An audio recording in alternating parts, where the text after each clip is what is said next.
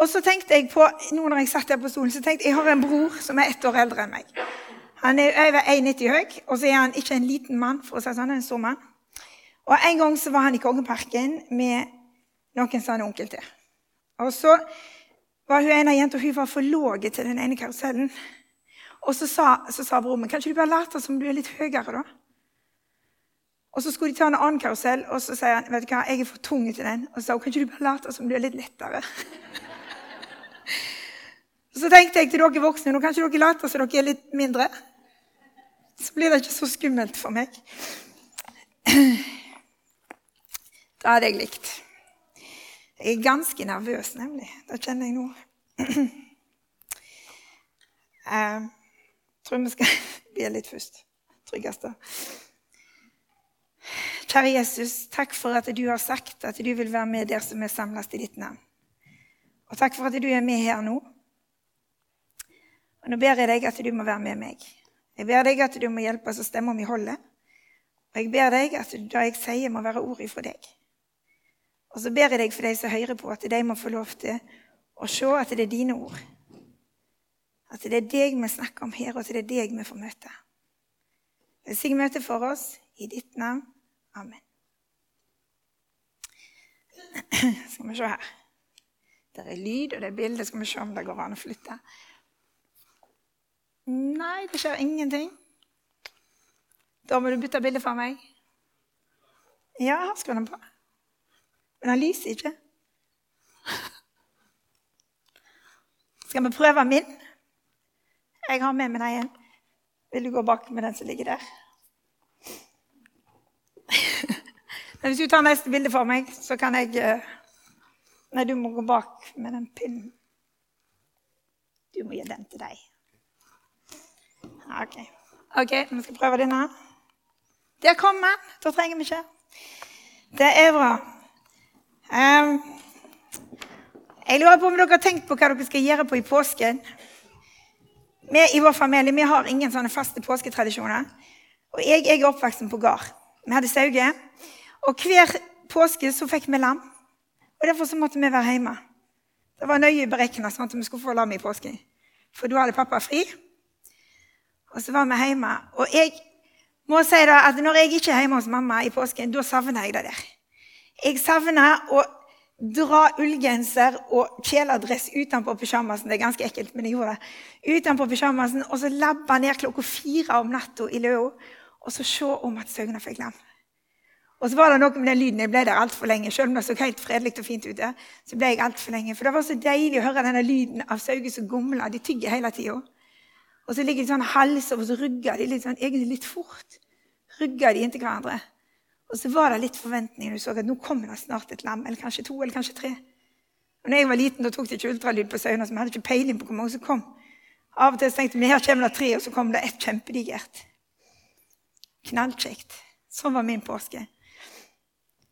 Men jeg kokte ikke påskeegg, sånn som jeg vet at det er mange som gjør her nede. Men vi hadde kjempegode frokost første påskedag. Og så hadde vi middag med sølvbestikk på hvite linduk på påskedag. Um, vi gikk ikke på ski, og vi reiste ikke på hytta, for det hadde vi ikke. Men vi, feirte, vi hadde liksom vår påske der vi var hjemme og passa på sauene. Det er ikke så lenge siden vi feirte jul. Så jeg har ikke begynt å tenke på påske ennå. Altså. Men når vi feirte jul, så feirte vi at Jesus kom til jorda som et lite barn. Og Når vi leser i Bibelen, så kan vi lese om det i Lukas evangeliet og i Matteusevangeliet. Og så står det egentlig ingenting om Jesus' sin barndom, utenom én fortelling i Lukas evangeliet. Og den skal jeg lese for dere nå. Den står i Lukas 2, vers 40-52. Skal vi se. Jeg har bilde på den òg. Men barnet vokste og ble sterkt. Han ble fylt av visdom, og Guds velbehag var over ham. Hvert år dro foreldrene hans til Jerusalem til påskefesten.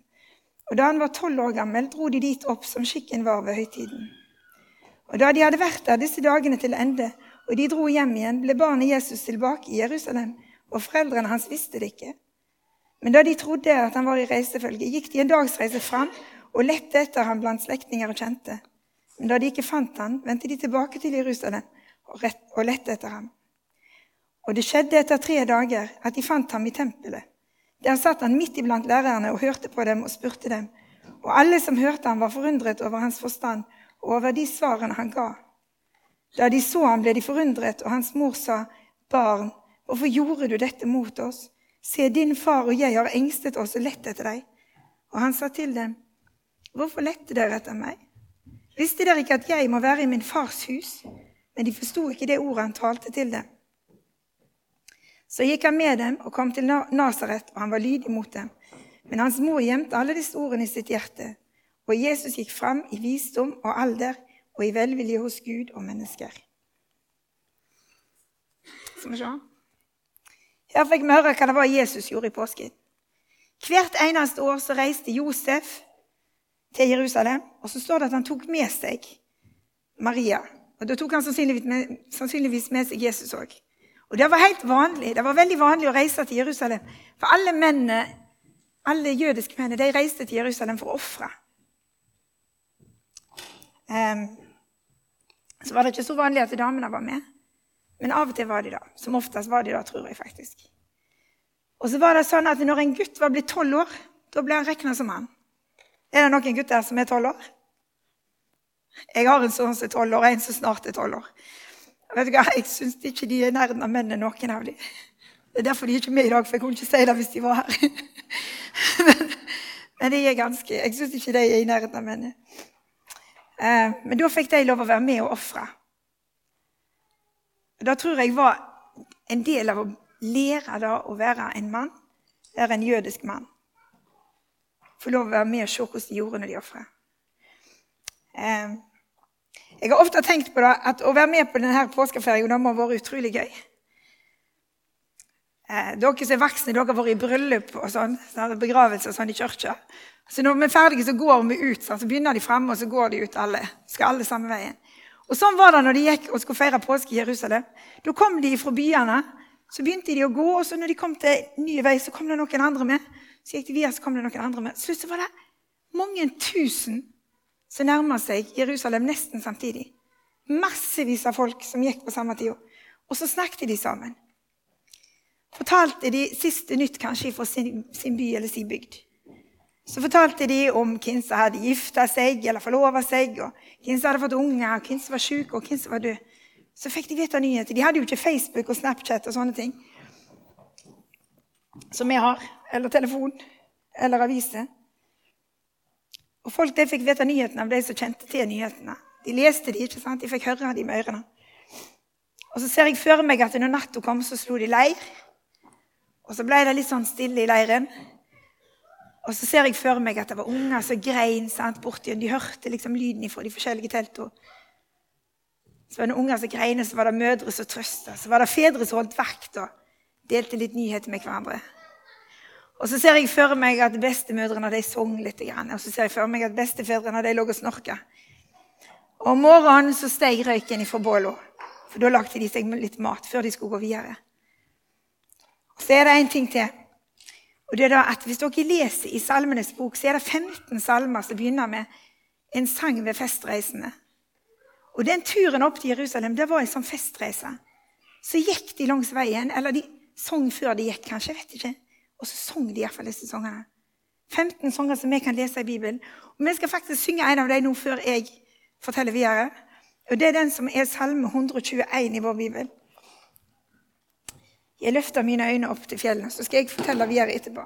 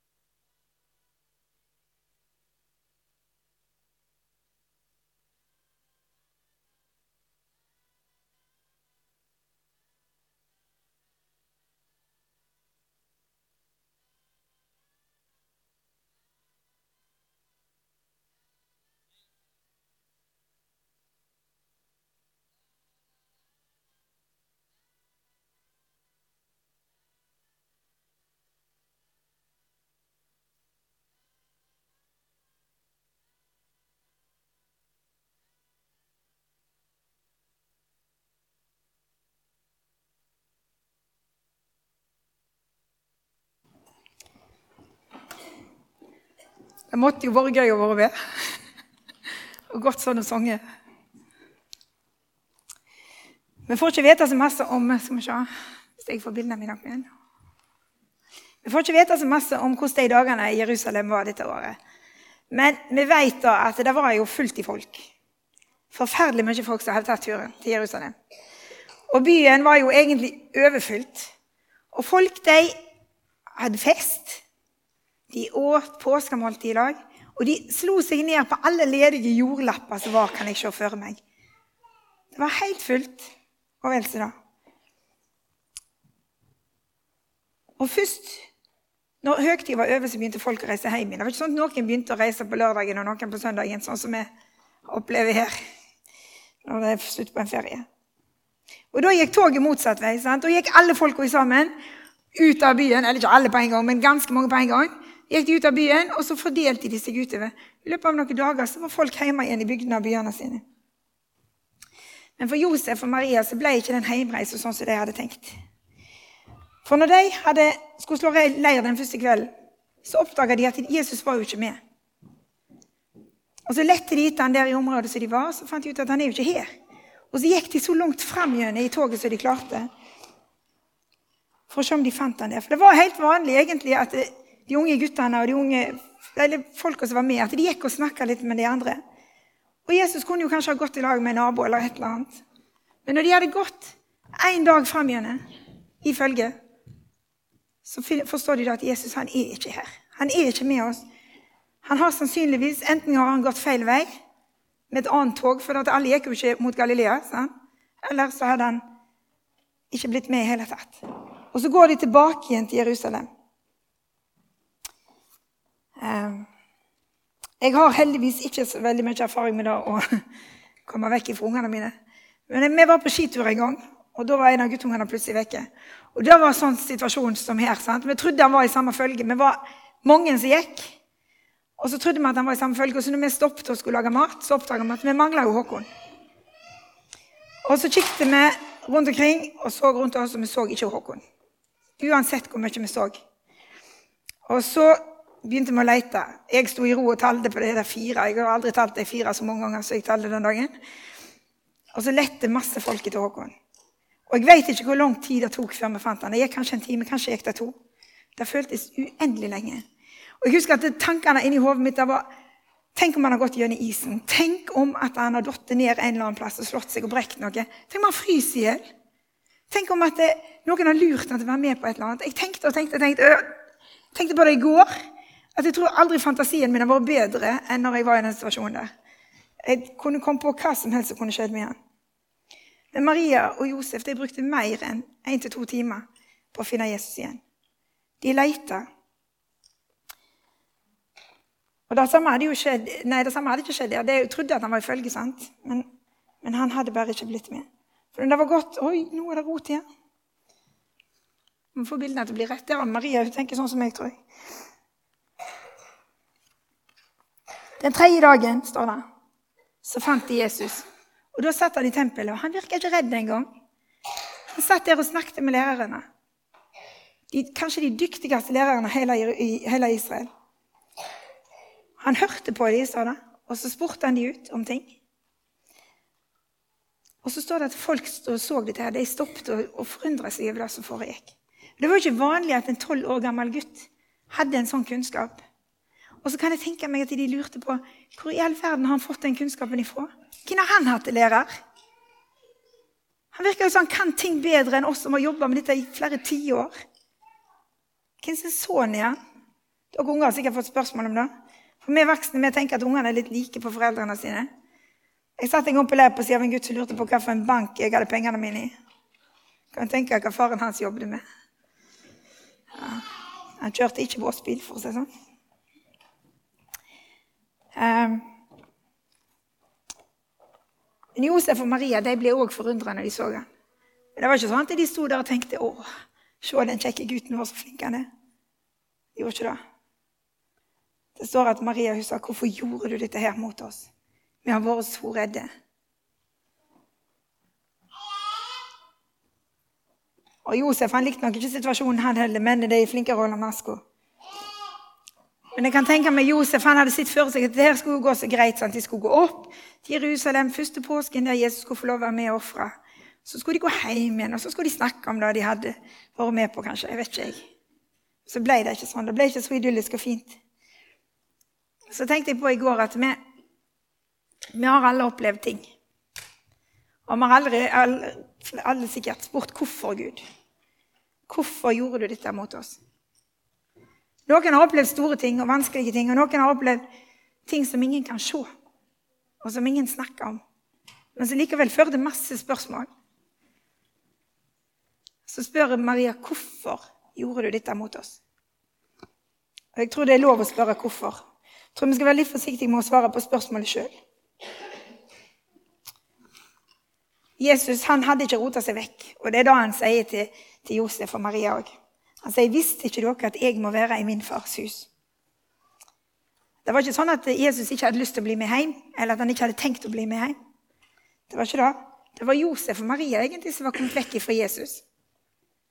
Og Jesus han var akkurat der som det var naturlig at de skulle finne ham. Jesus han var, han kalte det for min fars hus. Josef og Maria de visste godt at Jesus var Guds sønn. Det hadde de fått vite før han kom til dem. Så hadde de fått vite at Barnet som du skal føde, det er Guds sønn. De visste det.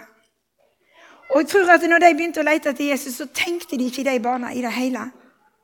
Kanskje tenkte de at vi kan jo ikke rote vekk Guds sønn. Kan hende de tenkte det. Men jeg tror ikke de tenkte at han er jo Guds sønn. Vi må lete etter han der Gud sannsynligvis vil at han skal være.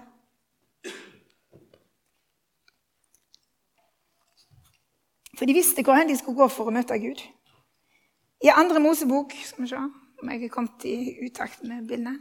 I andre Mosebok så sier Gud til Moses og Dette skjedde over 1000 år før. Og dette visste Josef. På hvert sted hvor jeg lar mitt navn minnes, skal jeg komme til deg og velsigne deg. De visste da at i tempelet, der var Gud. Der kunne de gå for å møte Gud, for å spørre Gud om ting. Det visste de. Og Noen år etter at det som jeg forteller om her, skjedde, så sa Jesus, da var han blitt en voksen mann, for hvor to eller tre er samlet i mitt navn, der er jeg midt iblant dem. De to versene der det betyr akkurat det samme. Jesus han vil alltid være der som folk samles for å høre om han, eller for å snakke om han. Han er her i dag. Og så er han med oss når vi er på søndagsskolen, han er med oss når vi er på bønnemøte, når vi samles til gudstjeneste. Han er med oss på smågrupper. Han er med oss når vi i en helt vanlig hverdagslig samtale nevner hans navn. Da er han med. For hvor to eller tre er samla i hans navn, der er han. Før jeg slutter, så har jeg tenkt å si et par ord om Maria. For jeg tror vi har litt å lære av henne. Det står flere ganger at Maria hun gjemte de ordene som ble sagt om Jesus, eller som Jesus sa, i hjertet. Og så tror jeg vi har litt å lære der. For ofte når vi er midt oppi noe som er vanskelig, så minner Gud oss på et ord. Eller han får noen andre til å minne oss på et ord. Og så har vi opplevd ting som er vanskelig, og så er det noen som, som sier Jeg opplevde f.eks. en gang at det var noen som sa Vet du, Norun, det ser mørkt og stygt ut nå. Men, sa han, Gud har noen fine tanker for deg. Og så la han, for jeg vet de tanker jeg har om dere, sier Herren fredstanker og ikke tanker til ulykke. Jeg vil gi deg framtid og håp. Og så levde jeg på det, på det verset. Jeg veit hva tanker jeg har for deg, Audun. Det var Gud som sa det til meg. Og så kan vi ta vare på sånne ord, og så vet vi plutselig treffer vi noen som trenger det. Så vi kan dele det med dem. Eller plutselig så står vi i en ny situasjon. Og vi har så lett for å bare glemme ting når ting er over. Så bare åh, ferdig med det. Men jeg tror vi kan lære av det. Og jeg tror Maria lærte av å rote vekk Jesus.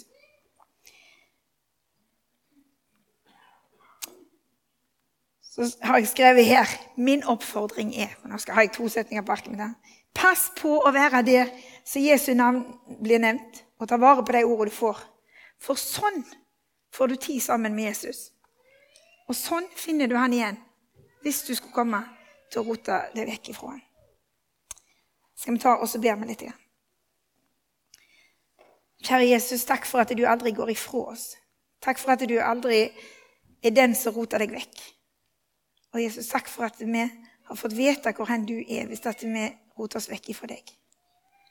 Og Jesus, hjelp oss å komme sammen om ditt ord. Og hjelp oss å være frimodige og nevne ditt navn.